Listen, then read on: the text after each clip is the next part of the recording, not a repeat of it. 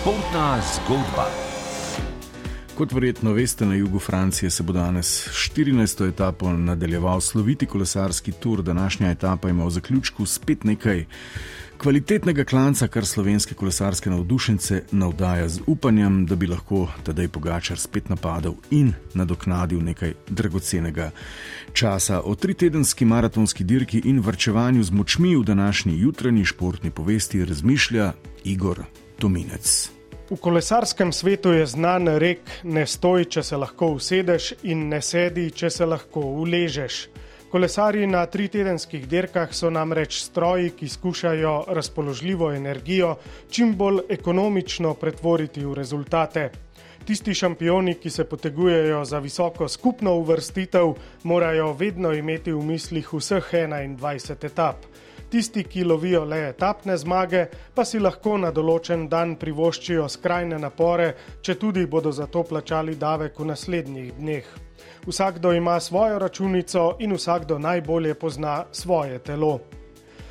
Izkušeni kolesarski strategi bodo svojemu osrednjemu adutu, vzemimo zdaj za primer Tadeja Pogačarja, ki se bori za tretjo zaporedno skupno zmago, vedno skušali pripraviti teren, da bo večji del dirke zaščiten strani moštvenih kolegov in porabljal kar najmanj energije. Porabljena energija se namreč v treh tednih stalno sešteva in če je dnevno porabljaš več kot tvoji tekmeci, boš slejko prej plačal davek. Včasih pride ta davek na vrsto k malu, včasih šele povsem na koncu dirke, ampak vsako pospeševanje, vsak sprint, vsako pokrivanje napada vzame en košček energije. Po nizu izjemnih uspehov v zadnjih treh letih je morda Tadej Pogačar za trenutek že pomislil, da je izven te neusmiljene kolesarske računice in je napadalno vozil v vsakem možnem trenutku letošnjega tura. Toda ciljni vzpon na Granon, kjer je izgubil rumeno majico, mu je pokazal, da ni izuzet iz te večne in neusmiljene kolesarske logike, v kateri je treba svoje moči razporediti na tri tedne.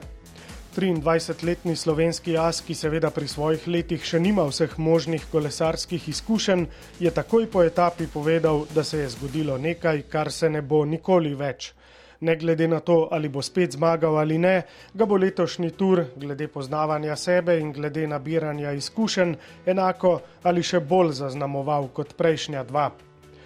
Na kolesarski dirki po Franciji, po izračunih strokovnjakov, kolesari v treh tednih porabijo 120 tisoč kalorij. V treh tednih torej toliko kot navaden smrtnik v dveh mesecih. Skratka, kolesarski stroj v obliki človeka na turu deluje s trikratnikom povprečnega človeškega stroja. Razlike pa se med kolesarji v treh tednih naredi za nekaj minut, včasih celo samo za nekaj sekund. Zmaga tisti, ki ima močne noge, to je jasno, vendar takšnih je kar nekaj. Na koncu zato še bolj odloča to, kdo zna minimalne prihranke energije v odločilnih trenutkih unovčiti in dobiti tritedenski gladiatorski boj.